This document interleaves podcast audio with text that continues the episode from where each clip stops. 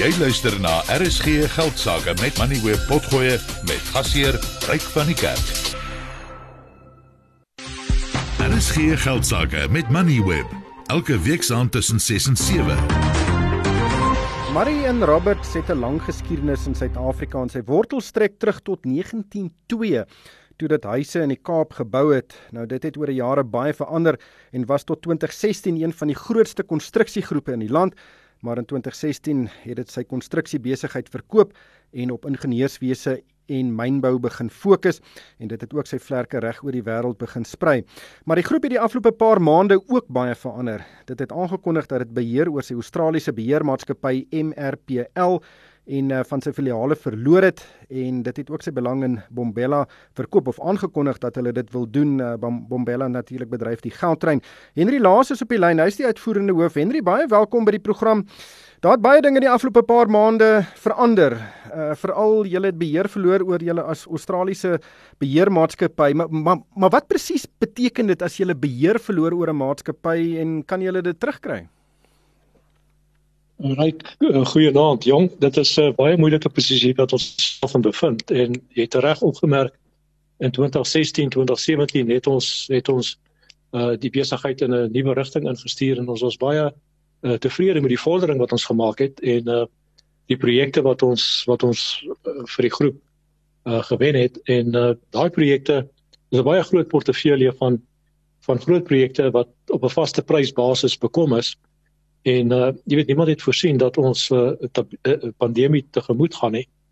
En as jy 'n portefeulje van projekte het wat te gelykertyd aan 'n pandemie blootgestel word en daai projekte is almal op 'n vaste prysbasis gekontrakteer, jy weet dan gaan jy baie moeilik uh, daardeur kom. So ons het ons het van 2020 af uh in 2021 het ons die direkte impak gehad van die pandemie op die projekte en die jaar daarna veral wat die wat die wat die voorsieningsketting aanbetref.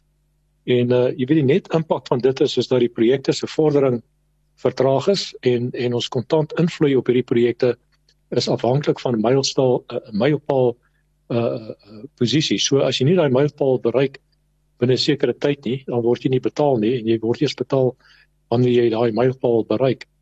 En uh ons het ons het 'n situasie gehad waar ons kontant invloei nie gesinkroniseer was met ons kontant uitvloei nie en die likwiditeit in die posisie uh, likwiditeitsposisie van die maatskappy het stelselmatig versleg. So ek sê jy het jy weet as jy een of twee projekte het wat deur 'n moeilike tyd gaan, dan kan jy dit absorbeer.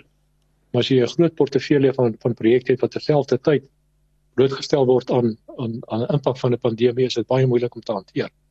So in Oktober verlede jaar het ons by 'n punt gekom wat ons maatskappy uh, in Australië kapitaalinspuiting nodig gehad het.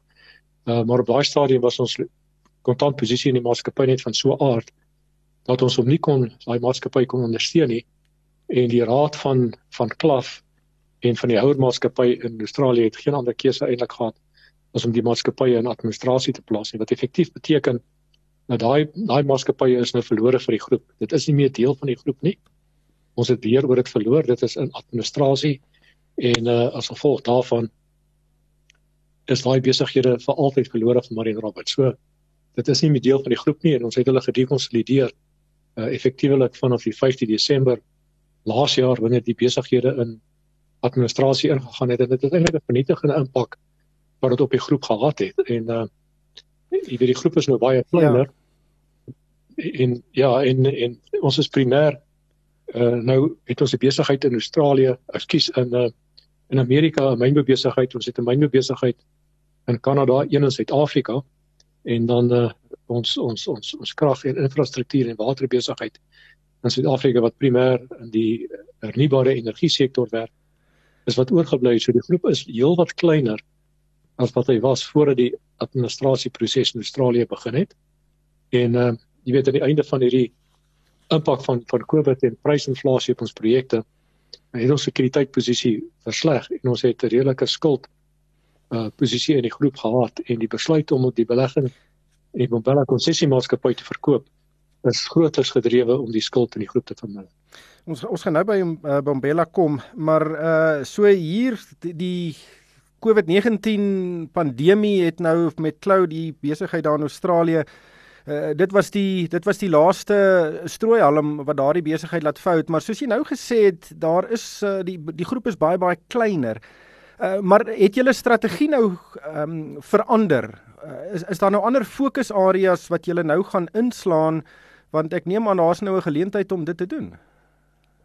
Ja, kyk, uh, ryk die, die maatskappy bly nog steeds 'n ingenieur en en en en, en kontrakteermaatskappy. So ons besluit watter myn watter sektore ons bedien.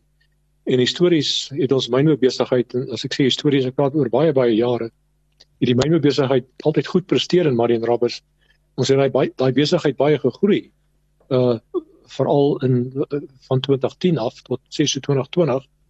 Maar ongelukkig een van die een van die filiaalmaatskappye in die mynbougroep is ook opgevang in die administrasie in Australië en is nou ook vir ons verlore. So die mynbousektor sal altyd 'n groot fokus vir ons bly want dit is waar ons uh jy weet 'n uh, goeie goeie kapasiteit het en 'n vermoë om projekte te lewer. En in Suid-Afrika sien ons maar die geleentheid primêr in die hernubare energie sektor. En dit is waar ons fokus in Suid-Afrika. Hmm. Die die besigheid wat wat ons gehad het in Suid-Afrika het het oor die afgelope paar jaar verlies getoon omdat daar nie regtig baie beleggingsgeleenthede of baie beleggings gebeur het in Suid-Afrika in tipe van projekte wat ons kon onderneem nie. Maar die hernubare energie sektor, ek dink gee vir ons 'n bietjie hoop dat daai besigheid uh, jy weet kan kan terugkeer in 'n posisie van winsgewing. Is julle is julle betrokke by plaaslike om hernubare kragprojekte? Ons ons is ons het ons het so onlangs het ons nou uh, ons eerste paar projekte gewen uh en ons bestelboek is 2 miljard rand. Dit is alles in op windplase op hierdie stadium. Ons wil graag kyk of ons 'n groot uh, solar projek ook kan wen. Um maar daai werk word primêr geonderneem deur internasionale uh ingenieursmaatskappye wat wat uh, wat 'n bewese uh, uh geskiedenis het van lewering in daai gebied. So ons werk is maar primêr as op 'n subkontrakteur basis vir hierdie ouens. En uh, jy weet as mens kyk na die belegging wat gebeur in die hernubare energie energie sektor, dit beteken nie dat daai totale belegging 'n geleentheid is vir die maatskappye in Suid-Afrika nie. Uh die gedeelte wat ons wat ons kan onderneem op daai projekte is miskien 30 of 40% van die totale beleggingswaarde. Maar dit is 'n geleentheid wat ons het ryk wat ons nie van tevore gehad het nie. En ons is opgewonde oor dit. En uh, ja, die fokus ek dink ons op hierdie stadium is om die maatskappy te vir eers te stabiliseer as 'n kleiner besigheid om te kyk hoe kan ons ons skuldvlakke verder verminder mm. en dan te kyk hoe broers dit van daar af. Ons laat daar moet los uh Henry ons gaan oor 6 maande seker weer gesels en hooplik is daar dan meer goeie nuus maar uh, interessante ontwikkelinge dit was uh, Henry Laas hy is die uitvoerende hoof van Marion Roberts. Johan wat is dit met Australië? Woolies stamp hulle kop daar hier is nou natuurlik onvoorsiene omstandighede gewees met Marion Roberts ook. Uh is dit net hoe hoekom misluk ons maatskappye daar? Ek dink WHO het ook 'n jaar of wat gelede ook probleme daar gehad. Ja, ek kyk de, as ons nou kyk wat is gebeur het. Ek dink hulle het probeer om hulle model wat hier te werk is in Afrika daar te gaan toepas. Jy weet, so, daar's verskillende redes vir hoekom hierdie maatskappye dit net nie maak kan maak werk nie en ehm um, ja, maar dit is maar hartseer storie. Jy het geluister na RSG Geldsaake met Money where potgoe elke weeksdag om 7 na middag.